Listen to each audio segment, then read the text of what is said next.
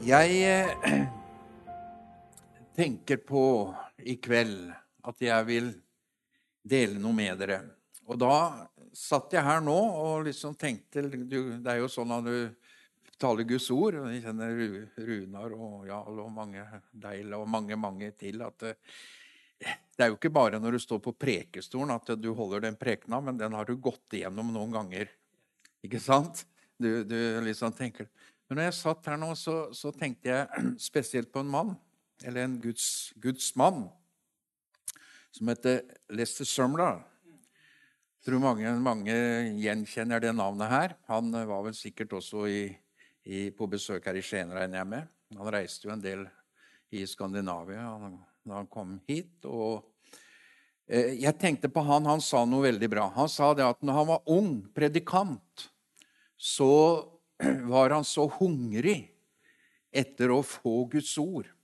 Han var så hungrig etter å være med sånne som var eldre, og spesielt også på å høre på eldre predikanter og, og slike som hadde tjent Herren gjennom mange år. Og han, han, fortalte faktisk at han hadde vært sammen en del med TB Barat. Og da skjønner vi at, eh, at det er noen år siden. og opplevde noe av begynnelsen på pinsevekkelsen eh, med, med, og, og, kjente godt til Barat. Og han sa jeg og Barat vi var et veldig bra spann. sa han.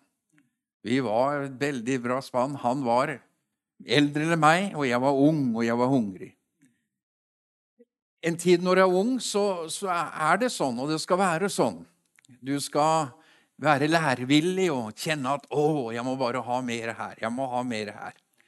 Og så kommer en tid hvor du kanskje kommer på et nivå hvor du er litt mer likestilt, og du eh, tjener Herren. Men så begynner du å bli eldre, og det der det går så fort, liksom. Plutselig er det så Ja, så er det liksom blant veterinærene, som han sa. Det er vel veteranene det skal være, da. At du, plutselig så er du der. Og, og, når du er ung, vet du, eller, eller sånn, sånn i 50-åra, så syns du det er veldig langt fram til en tid når du hører noen, kanskje en som har runda 70, hører eller kjenner noen til det. Det er jo det er litt som bestefar og bestemor og, og sånn, da. Men så sa, sier han det at når du blir eldre Og han var jo en eldre mann da når jeg hørte han noen ganger. Så sa han da, da er du der at du skal gi av det som du har fått og det Gud har gitt deg opp gjennom tiden. Og akkurat det der har jeg vært litt opptatt av i den siste tiden, dette med her med å, å gi det videre. Egil Svartdal han har jo skrevet en bok og hatt seminar. Jeg har vært på sånn seminar med han hvor han underviser om dette her. Å gi det videre. Jeg tenker at Når han kan gjøre det, som jo er yngre eller meg, så kan jo jeg jo gjøre det og tenke litt sånn at hva handler det egentlig om, dette med å, å gi noe videre? Eh, og Lester Summerall han, han, var, han, var, opptatt av det. Og Jeg husker jeg gikk på bibelskole da, eh, på Livets Ord i eh, 99 år 2000. Eh, og dere som har gått på Livets Ord, dere har sikkert eh, vært med på det, at eh, i en av timene så blir det vist en film av Lester Summerall. Han han var jo en kjent predikant, han var en kjent misjonær. Han hadde opplevd sterke ting med Gud var på Filippinene han var, ja. Med, med bl.a. at han satte ei som var demonbesatt, eh, som var i fengsel. Og han, han begynte der, eh, starta en menighet, og han sa det eneste som var da på møtet, sa han, det var kona mi. Og det jeg, jeg visste det, sånn at det var en ting jeg ikke kunne gjøre, og det var å ta kollekt. For hun hadde ikke noen sa hun. Men det, det var bare til å begynne med dem to. Men så fikk de beskjed om kunne, han kunne hjelpe til ei som de ikke klarte å få roa, som var helt vill altså i et fengsel. Og for å gjøre en lang historie kort, så dro de opp dit og møtte det mennesket. Og hun blei satt fullstendig fri og løst. Og det forløste en stor vekkelse der ute. Så det, det blei en mening at det vokste. Så det er jo klart at når denne mannen talte, så, så satt du og lytta. Og I denne her eh, filmsnutten så, så du at han, han øh, overga på en måte det mandatet som Gud hadde gitt ham Ikke tjenesten i den forstand, ikke salvelsen i den, den, forstand, men det mandatet som Gud på en måte hadde lagt han, det ga han til Ulf og Birgitta Ekman. Og Du så dem oppe på plattforma, han fikk dem opp. Og du så det der øyeblikket hvor han ba for dem, og Guds kraft kom over dem.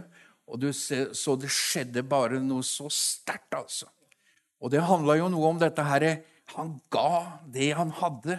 Alt, alt, all erfaring, eh, all, all, all kraft, alt som han hadde, det ga han videre.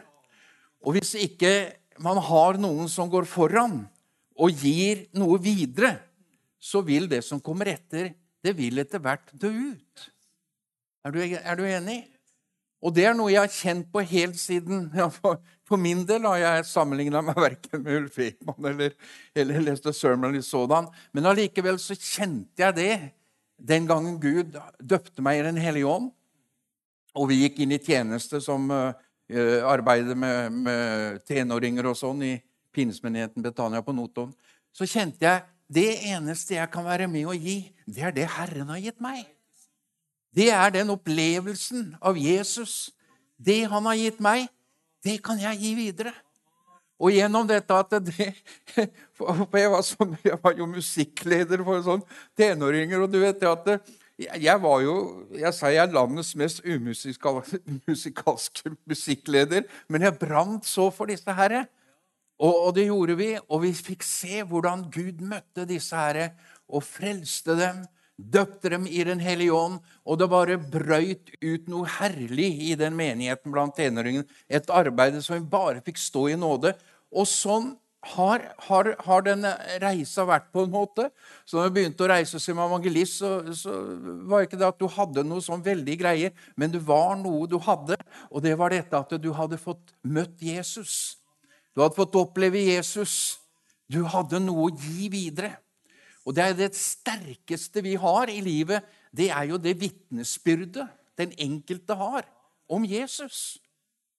Og vi kan jo tenke ja, tenk om jeg bare kunne ha fått det, det og den Det er ikke noe gærent med utdannelse og alt dette her, men, men det sterkeste vi har i livet, det er den opplevelsen vi har med Jesus. Nå skal jeg begynne å gå inn i teksten her. Eh, så, og dette møter vi jo i Bibelen. Vi kunne tatt mange eksempler på det nå, hvordan Jesus ga sitt mandat videre til sine disipler. Vi møter det i apostelgjerningene, hvordan eh, apostlene ga det videre til, til enkelte. Og kanskje helt spesielt så møter jo dette med Paulus og Timoteus. Som eh, når du leser Paulus brev til Timoteus, så ser du en mann som virkelig har stått i det, har gjort et, et, et stort arbeid i Guds rike. Og vi vet vel nesten ikke hvor, hvor kristenheten hadde vært. Den hadde ikke vært for Paulus. Den tjenesten han hadde, alt det han skrev, alt det han gjorde, alt det han sto for. Så kommer dagen hvor han vet at nå skal han snart reise hjem til Jesus. Nå skal han snart dø. Da skriver han noe ikke noe, da. Han skriver flere brever til sin unge venn Timoteus. Eh, og når han, han, han, skriver, så formulerer han seg på den måten han sier 'sønn'. Så da skjønner vi det at Paulus han var som en far for Timoteus. Og han så på Timoteus som, som sin sønn. og bare den der tilknytningen der, den, den, er jo så sterk. For det er klart det at vi, I Guds menighet sier Paulus, så kan vi ha mange læremestere. Det er mange som kan lære og undervise og alt. Men det er få fedre, og også mødre. Og det, Når Runa snakker om kafévekkelse, så, så, så, handler jo vekkelse noe om dette her, at eh, skal de bli bevart, de som kommer til Jesus, så må de kjenne fars og mors følelse i menigheten. Altså den omsorgen som bare far og mor kan gi. Eh, nå kunne vi tatt veldig mange ting her nå da, som handler om dette med å gi det videre. For, for, for, det taler jo Paulus om til Timoteus, og det skal vi gå inn i den teksten nå. Og da sier han, 'Gi det videre, det du har lært av meg, til sånne som du, du finner trofaste, som er sanne, som dem igjen kan gi det videre.' Og Hadde det ikke vært for den der stafettpinnen der og den overgivelsen der, så hadde ikke vi vært her i dag. Det var noen som hadde det, fikk det, opplevde Gud, og så ga dem det videre. Og så er vi kanskje kommet der, og sikkert vært det mer eller mindre opp igjennom i tjenesten, at vi har fått være med og gi noe videre. Og Paulus han, han, han taler til Timoteus. Vi kunne tatt mange eksempler her nå, men jeg vil stanse litt inn for, hvis du slår opp i 2. Timoteus og det andre kapittelet der, så skal vi lese noe vers der.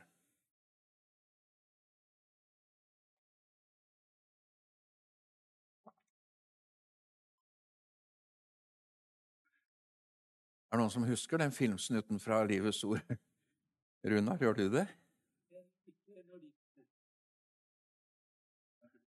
Ja, ja, nei. Det er greit. Det, det var, det var, iallfall tilfellet. Bra. Ja vel, da leser vi i 2. Timoteus kapittel 2 og vers 1.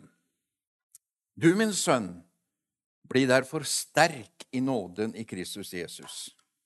Og alt du har hørt av meg blant mange vitner, skal du overgi til trofaste mennesker som også er i stand til å undervise andre.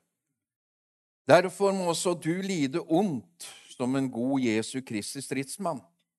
Ingen som fører krig, blander seg inn i de oppgavene som hører dette livet til, for at han alltid kan gjøre hærføreren til laks. Om noen driver i idrett, får han ikke seierskransen uten at han deltar etter reglene. Den bonden som arbeider flittig, skal være den første til å få del i fruktene. Tenk over hva jeg sier, og må Herren gi deg forstand i alle ting. Husk at Jesus Kristus av Davids slekt ble oppreist fra de døde ifølge evangelium.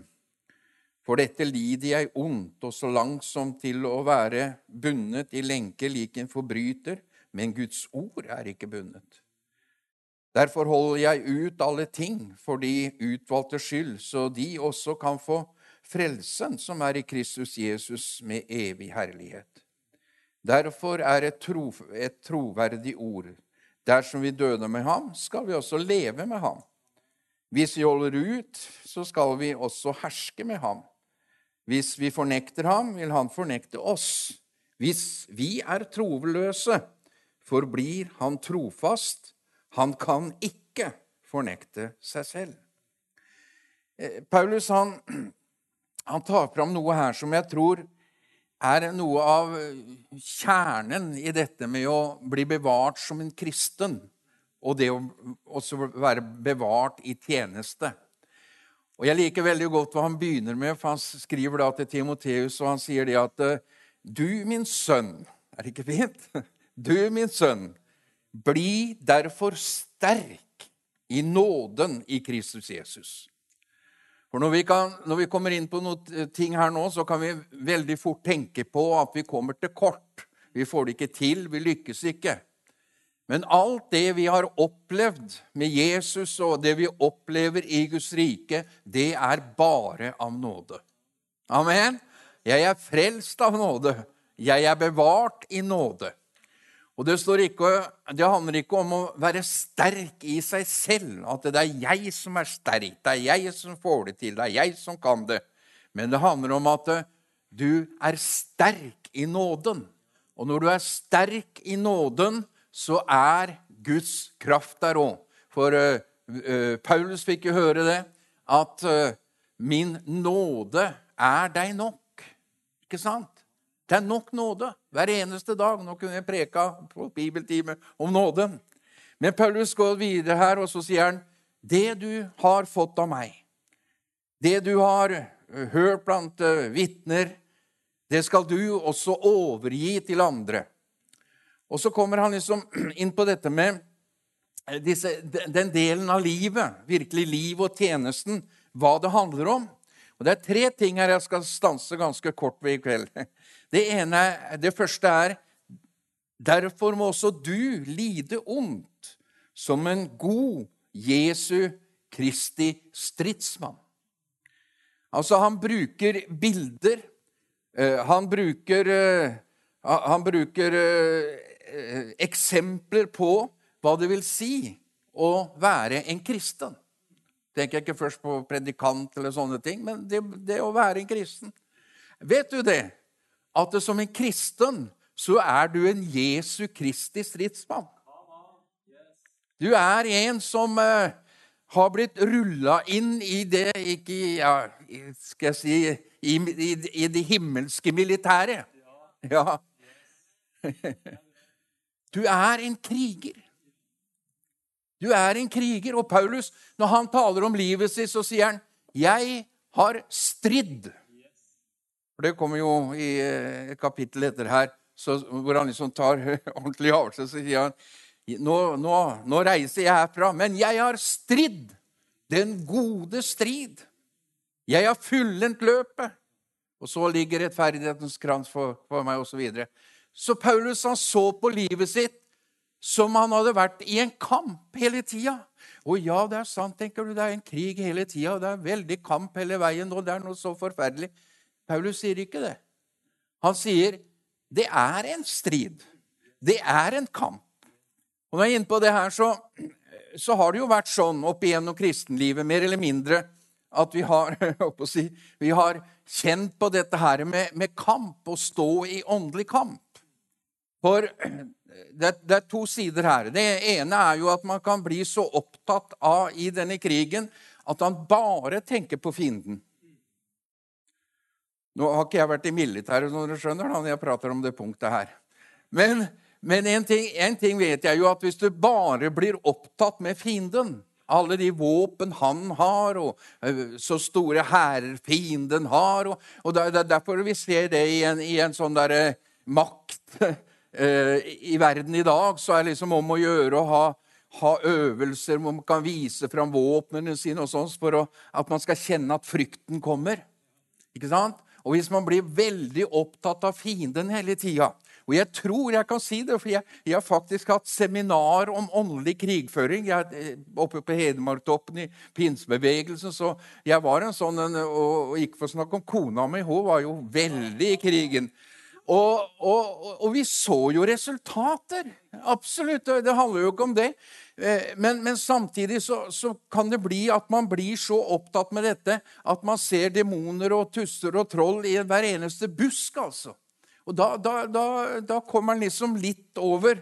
For mye over på det. Hvis du liksom våkner opp om morgenen og eneste du tenker på å nei, nå, nå, nå er det åndskamp, altså. Nå er det, nå er det virkelig tøft oppi her. Oppi, i lufta. Men så er det kanskje bare at du har sovet litt dårlig. Eller som Arild Edvardsen sa han eh, i et møte det var Folk var jo trøtte og slitne, og det var en som sa at nå er det veldig åndskamp her. sånn, Nå kjenner jeg Nei, det er ikke det, sa han. Får lukke opp vinduene og slippe inn luft, sånn, så, så, så, hjelper det, hjelper det, på. Men eh, så, så, det å bli fokusert for mye av de tingene og, vi, og det var jo en tid med bøker om dette. Det var en tid hvor det, altså det var til og med ei som ga ut bok om helvete, og, og hvordan det var der. Og og jeg fikk jo, som pastor, jeg, jeg, måtte jo dra til folk og prate med folk og liksom fortelle det at dere må ikke være opptatt av det. For det er klart at det, Hvis du skal et sted, så er du opptatt av det stedet du skal. Og vi skal til himmelen, så hvorfor skal han holde på med det andre da? Hæ? Det er jo sånn at Hvis jeg skal dra til Paris og lese bøker om Paris, så tenkte jeg det blir veldig hyggelig å komme dit. Jeg leser jo ikke om Moskva eller eh, Roma eller andre steder da. Jeg skal til himmelen, jeg. Derfor syns jeg det er herlig å lese om himmelen. Så, så fokus, en stridsmann, han må ha fokuset på de rette ting. Men så må vi ikke komme hen, dit hen at vi tenker at nei, det er ingen kamp. Den, den kampen den kampen har Jesus vunnet for oss nå. Vi behøver ikke noen kamp. Det er ikke bibelsk. Nei, les Efeserbrevet 6, så leser du det der. For Paulus sier vi har ikke en kamp mot kjøtt og blod, men vi har en kamp mot makter og myndigheter i himmelrommet. Det er ikke kamp med mennesker. Og det er jo, nå, nå, nå er vi midt inne i en valgkamp, ikke sant? og da er det veldig lett å se kjøtt og blod. vet du. Men, men du vet, bak alt, eh, mesteparten av det som er politikk òg, så kan det være åndskrefter som vil dra nasjonen hit og dit. Og da er det veldig viktig å be for Norge. Amen. Det er viktig å be bønn for Norge. Men så, så vi må ikke komme dit og tenke at er, det er ikke noe kamp lenger. Jo, det er en kamp. Paulus sto i en kamp. Han sa, 'Jeg har stridd den gode strid. Jeg har stått i kampen. Jeg har kjempet.' Men Herren har vært med. Og hvis vi bare tenker at nei, alt er vunnet, alt, så vi kan bare slappe av og ha det kjekt, liksom. Det, det gjør vi jo, men samtidig så er det en kamp. Og Derfor så må vi ta med det eh, som Paulus sier her at uh, han snakker om det å være en stridsmann. Det er å være villig til å lide ondt, altså. Og hemmeligheten med dette med å være en god stridsmann, en god soldat, det ligger i det som vi vet. Det handler om at er du soldat, da handler det om lydighet. Og det er jo den lydigheten som ofte er kampen vår. Det var den lydigheten som var Paulus' kamp også. Han kjente vel også dragkampen om at han helst ikke ville gjøre ting, men så kjente Den hellige ånd var på ham. Så han sa, eh, de sa du må ikke reise opp til Jerusalem. Så sier Paulus jo, bundet av ånden, sa han. Så reiser jeg opp til Jerusalem. Det var liksom ikke snakk om noe annet. Så Hemmeligheten er jo dette som også Jesus taler og, og som du kan, eh, du kan lese om eh, i Lukas 7, 1-10, om denne hærføreren som hadde en sønn som var syk, nei, en, en tjener som var syk, og som sendte noen tjenere til Jesus og sa, 'Kan ikke du, Jesus, komme og helbrede eh, denne tjeneren?' For vi har hatt så mye glede av han. Og Jesus sa han skulle komme. Og så kommer de jo Jesus i møte, da, og så, og så sier han hærføreren eh, eh, så sier han det at eh, Jesus han bør ikke komme hit. Det er ikke det at han ikke ville ha besøk av Jesus, men han sa at jeg forringes han til at Jesus skal, skal, komme inn i mitt hus. Han, han så veldig stort på Jesus. Eh, men så sa han det at Men be Jesus å si et ord, sa han. For jeg er hærfører, og jeg har folk over meg, og jeg har folk under meg. Og sier jeg 'kom', så kommer de. Og sier jeg 'gå', så går de. Det er liksom ikke noe, det er, det er liksom ikke noe mellomting der. Og øh, Hvis du har vært i militær eller vært soldat, eller noe, så kjenner du til de tingene der. Det, det sitter i deg enda, det, vet du. vet du, Du så det der øh, glimtet på TV her fra han eh, fra Linge kompani. Det eneste som er igjen der i Lingekompaniet. Det var jo sabotørene med tungtvann og alt dette her. Han, igjen, han, han gikk opp, og han var jo mange og nitti nå. Men han hadde disse medaljene, og så gikk han opp på, på, på talerstolen der og skulle si noen ord, og der satt jo kongen og alt. Og så sier han, og så sier han at Lingekompaniet! Rett! sa han. Jeg syns det var så bra. Det satt inn, vet du. Det er liksom oh! Og det er det som det handler om. En Jesu Kristi soldat. Amen. Og det er jo der, det er jo der Telemarksbataljonen i den åndelige verden skal reise seg igjen. Amen. Og være villig til å ta imot ordrene, krype i søla, eh, klatre over hindre og virkelig kjenne det koster noe å være en Jesus-soldat. Amen. Ta derfor den fulle rustning på. Du er en soldat den, fra den dagen du ble frelst. Og det er Jesus som er den øverste hærføreren. Og din autoritet, Runar, det ligger ikke i Runar Vold, altså. Selv om du er aldri så kjekk og koselig kar. Nei, det ligger ikke i Willy Dalsgaas. Nei. Eller ditt navn. Eller vårt navn. Men vår autoritet ligger i lydigheten mot Kristus. Og så langt vi er lydige, så langt har vi også autoritet. Det er derfor eh, Peter og Johannes kunne si til den lamme Gull og sølv, det har vi ikke, men det vi har, det gir vi deg. Hva var det de hadde? De hadde autoritet i navnet Jesus. Så tok de han og handa, og så reiste de ham opp. Prise Gud. Du er en soldat. Du er en kristig soldat. Her er du virkelig med i den bataljonen du, du, du, du, vil, altså. Men vi hører jo litt til i Telemarksbataljonen, vi da, vet du. Amen.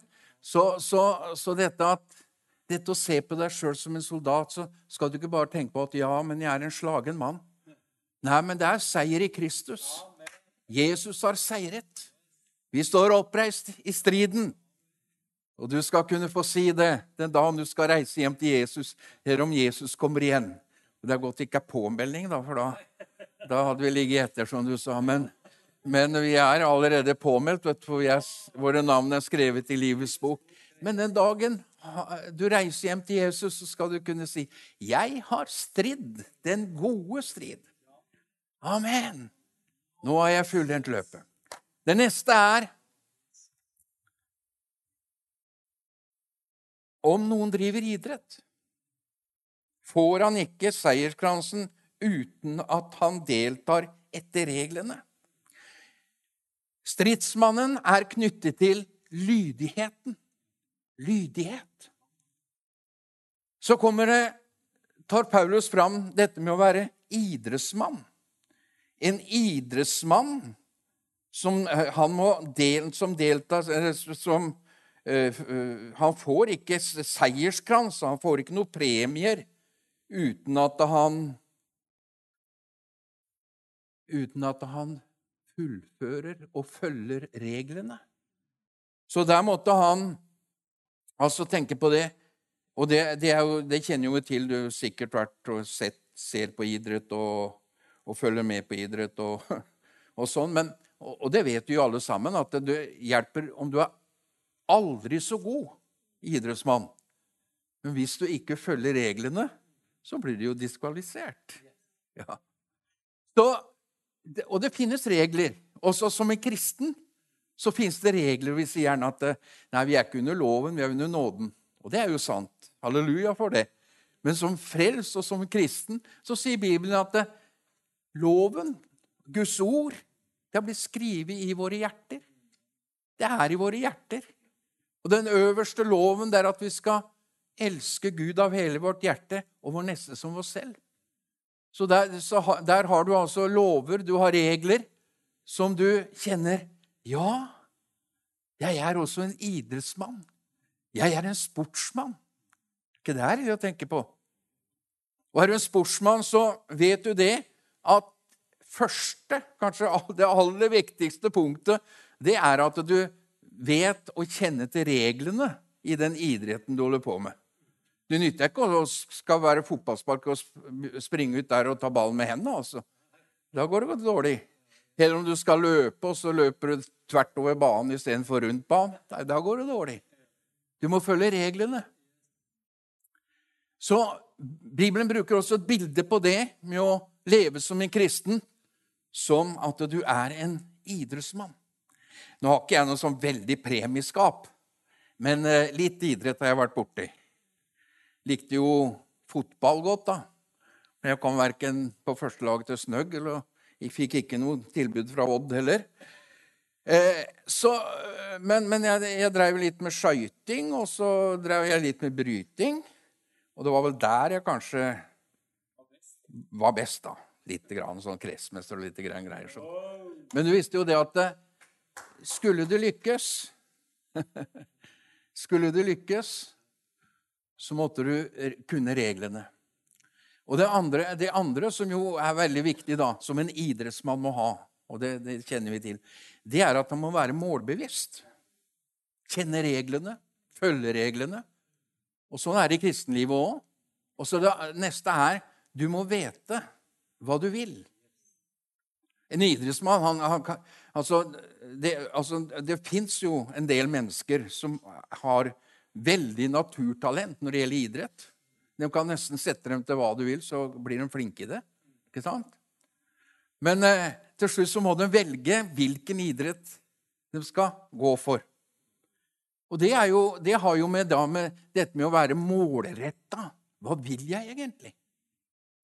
Og jeg har, møtt, jeg har møtt kristne som har vært kristne nesten fra barnsben av, og som, som i sjelesorg har sagt at det, de har liksom aldri kommet inn i det som Gud hadde for dem. Jeg, har møtt mennesker som nesten har sittet og grått fordi at de kjente at Gud la et misjonskall på dem, men de, de klarte liksom aldri å komme, ta tak i det målet og nå det målet. Og det er jo ingenting som er så, nå, nå er jo Gud full av nåde og tilgivelse, så de er like herlig frelst. Det, det går ikke på det. Men de kunne ha valgt en vei hvor de kanskje kunne ha tjent Gud på en større og en rikere måte. Så dette med å være og vite hva er mitt mål i livet? Hva vil jeg som en kristen? Hva vil jeg i menighetslivet? Har Gud noe for meg? Ja, Gud har noe for deg. For vi er alle sammen lemmer på Kristi kropp. Vi har alle sammen fått uh, ulike oppgaver. Og det målet, det, det, Gud legger ned i oss, det, det, det, kommer der. Når du blir frelst, når du har tatt imot Jesus, så vil du kjenne på det. Du vil merke det. Og plutselig så vil, vil Gud vise deg mål som du skal strekke deg etter. Nå har vi jo vært igjennom OL i, eh, i Tokyo, og du har sikkert fulgt med på det. Og Jakob Ingebrigtsen, han, han eh, og Vare og alle disse av dem var jo helt fantastiske. Vi fikk vel fire gull til sammen. Men han Jakob, han fortalte noe. Han sa det når han var åtte år gammel. Så sier pappa Gjert, som også er treneren hans, vi kjenner jo den familien Så så sier Gjert til sønnen sin, åtte år gammel Du, Jakob, sa han, du kom til å bli og kan bli en av verdens beste løpere. Du kan bli verdensmester. Du kan bli OL-mester. Han var åtte år gammel. Gutten glemte ikke det. Jeg er helt sikker på det at når han begynte å løpe og springe og alt dette her, så var disse ordene de satt der. Jeg, tro, jeg tror, altså, har ikke sagt det, men jeg tror når han sprang 1500-meteren under OL, så hva kom de orda til Gjert når han var åtte år gammel? Du kommer til å bli mester. Det er jo veldig krav, kan du tenke å si det til en guttunge. Men det er noe i det. Hva, hvilket mål har du? Ja, nå det er jo klart, nå, nå sier Hvis du leser opp i Rom, Romerbrevet 12, så leser du om de ulike tjenester osv. For der sier jo Paulus at eh, vi må ikke ha større mål, eller vi har tro, for å oversette det. Du, om du har mål, så må du jo ha tro til å og til virkelig kunne nå det målet. Kjenne at troen din griper tak i målet, og at du går for det.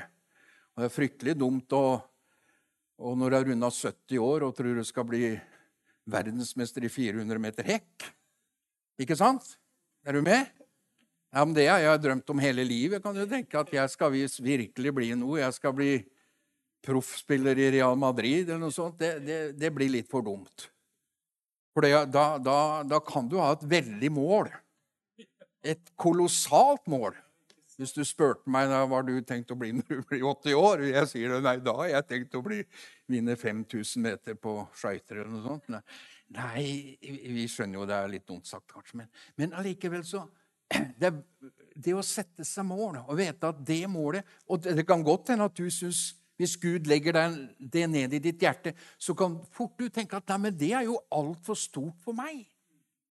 Men er Gud i det, så er det ingenting som er for stort for han.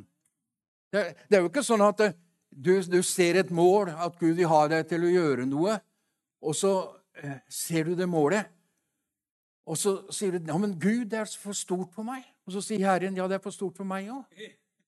Nei, det, det sjekker det, vet du.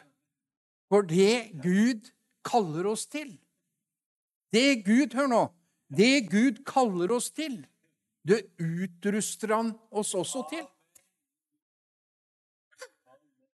Du vet, om, om noen sa det til meg før jeg ble en kristen, at, at jeg skulle bli predikant eller et eller annet sånt i Guds rike, så hadde jeg aldri trodd i verden. Men når jeg ble frelst, når jeg fikk møte Jesus og opplevde Den hellige ånd, så kjente jeg jo ingenting som er umulig for Gud. Det er ingenting som er umulig å, å strekke seg ut etter. Hvor, hvor mange har dere tro for her i troens liv? Det ligger jo i navnet. Hvor mange har dere tro for? Ja, men vi er passe mange, vi nå. Har liksom oversikten og alt. Ja, men be Gud. Begynn å be Herren. Herren, gi oss noe. Gi oss noe. Gi oss noe mål. Mål i bønnen. Mål i det vi holder på med. Amen. Så som idretts, eh, idrettsmann så handler det jo å ha et mål. Ha noe å strekke seg ut etter.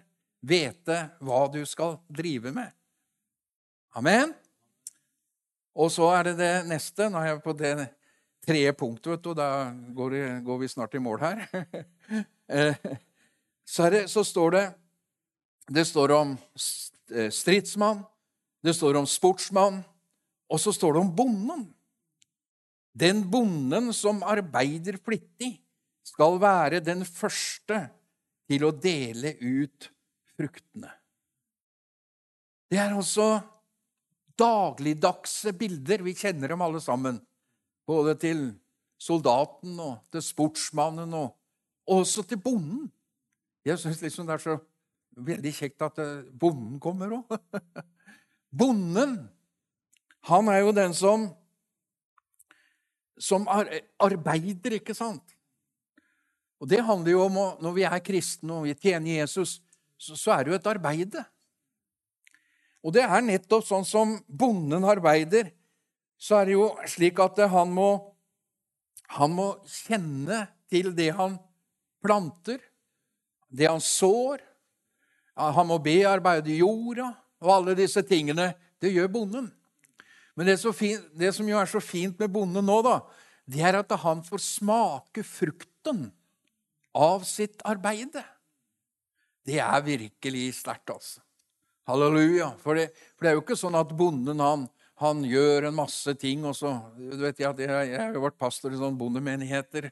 og da, da vet jeg, På den tida her, vet du, når de kommer sammen sånn ute i kafeteriaen, da, da spør de har du fått inn kønne nå. Du, hvor langt har du kommet, da? Har du fått inn kønne? Så det, det, er jo det det handler om nå, da, å liksom få inn alt sammen. Så, så, så, så du vet at eh, bonden har jo også den fordelen da, at han, han kan få smake på sine egne frukter. Og I Bibelen så står det at Gud, han gir oss såkorn, står det. I eh, 2. Korinterbrev 9,10 må han som sørger for såkorn til såmannen og brød til mat, også sørge for å mangfoldiggjøre det såkorn dere har sådd, og gi vekst til deres rettferdighetsfrukter. Amen. Så Gud, han gir oss såkorn. Vi er bønder. Nei, nå blir du oppmuntra, vet du. Du er soldat. Å, du er en herlig idrettsmann. Og så er du bonde. Så er du bonde, liksom. Nei, men det er jo på si, det er jo størst av alt. Amen. Tenk å få, få såkorn ifra Herren. Tenk å få de korna, det livet, imellom dine hender hvor du kan begynne, og sikkert gjør det også, å være med å så. Og når du sår i Herrens, Guds rike, så begynner det å gro. Det begynner å vokse. Og så kan, kan du ha forventning at det kommer en høst. Og det er jo du som får smake virkelig på den høsten som kommer. Og det finnes ikke noe så godt, dere, som en kristen for å, for, uh, uten, uh, Eller dette her med å kjenne at du kan få smake på det du har sådd ut. Og det kommer liksom tilbake til deg. Kast ditt brød bortover vannet. I tidens morgen så skal det komme tilbake.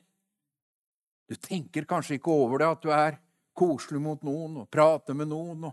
det er liksom litt dagligdags. Men du er med å så, så noe. Du er med å så noe. Du er bonden som, som sår der. Og bonden, han, han bearbeider jorda. Han jobber med det. Og så kommer det en, en innhøstning.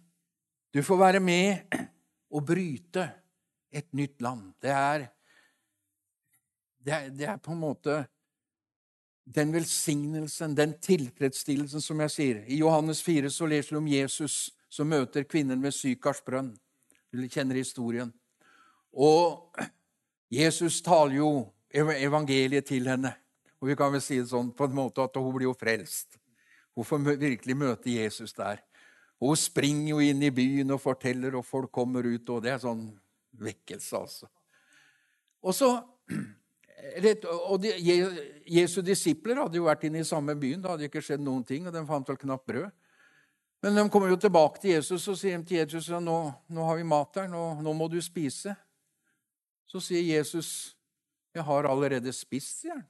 'Har du spist? Hvor er, den, er maten din hen? Hvor, hvor, hvor har du fått mat fra?' Så sier han, 'Min mat, det er å gjøre Hans vilje.' Det er å gjøre Guds vilje. Det var hans indre tilfredsstillelse. Og Det er der vi får kjenne at vi, når vi er bønder, at vi sår ut. Vi forventer frukten. Og vi får smake først på frukten og kjenne det. Og den tilfredsstillelsen, den er det ingen som kan ta ifra deg vet du, når du kjenner den og opplever den. Det er det sterkeste vi får oppleve som kristne. Han sørger for oss. Er du med? Vi står i nåden. Vi er soldater. Vi er sportsmenn. Vi er bønder. Og Paulus han avslutter jo med det troverdige ord som han sier. Dersom vi døde med Jesus, så skal vi leve med ham. Om vi holder ut, så skal vi også herske med ham. For vi fornekter Eh, hvis vi fornekter ham, vil han fornekte oss selv. Så står det hvis vi er troløse, forblir han trofast. Han kan ikke fornekte seg selv. Og som jeg sa, når vi er inne på de tingene her, så kan vi liksom tenke ja, det, det er veldig mye å strekke seg etter her. Her er veldig mye å tenke om. Men jeg håper at det skal være til oppmuntring for deg. At du er en soldat du er en idrettsmann. Du er en bonde. Alt dette har Gud lagt ned i oss, for vi skal være med i Guds rike. Og så er det klart at vi kan føle at vi, føle at vi kommer til kort. Vi kan føle at vi ikke strekker til, osv. Men husk alltid på det her, som jeg sier til slutt her. Om vi snubler og faller og er troløse, så er han trofast. Han er trofast. Han er med deg og meg, uansett, så er Jesus der. Og styrker deg, hjelper deg og reiser deg opp igjen til den du er i Kristus Jesus. For så lenge vi er frelst og bevart, så står vi i nåden. Og vi vet at eh, om jeg slapper av, eller slakker av, om jeg kommer ut i skyggen og trekker meg tilbake, så er Jesus den samme. Han har ikke trukket seg tilbake. Han angrer ikke på at han har kalt deg. Han angrer ikke på at han har en, lagt en plan for deg. Han vil noe med livet ditt. Han vil noe med denne menigheten som er helt unikt og helt uh, fantastisk. Jeg har ikke sett begynnelsen engang. Amen. Amen. Jeg har bare delt noe av hjertet mitt der. Jeg bare kjenner at jeg gir noe videre her. Gir noe videre.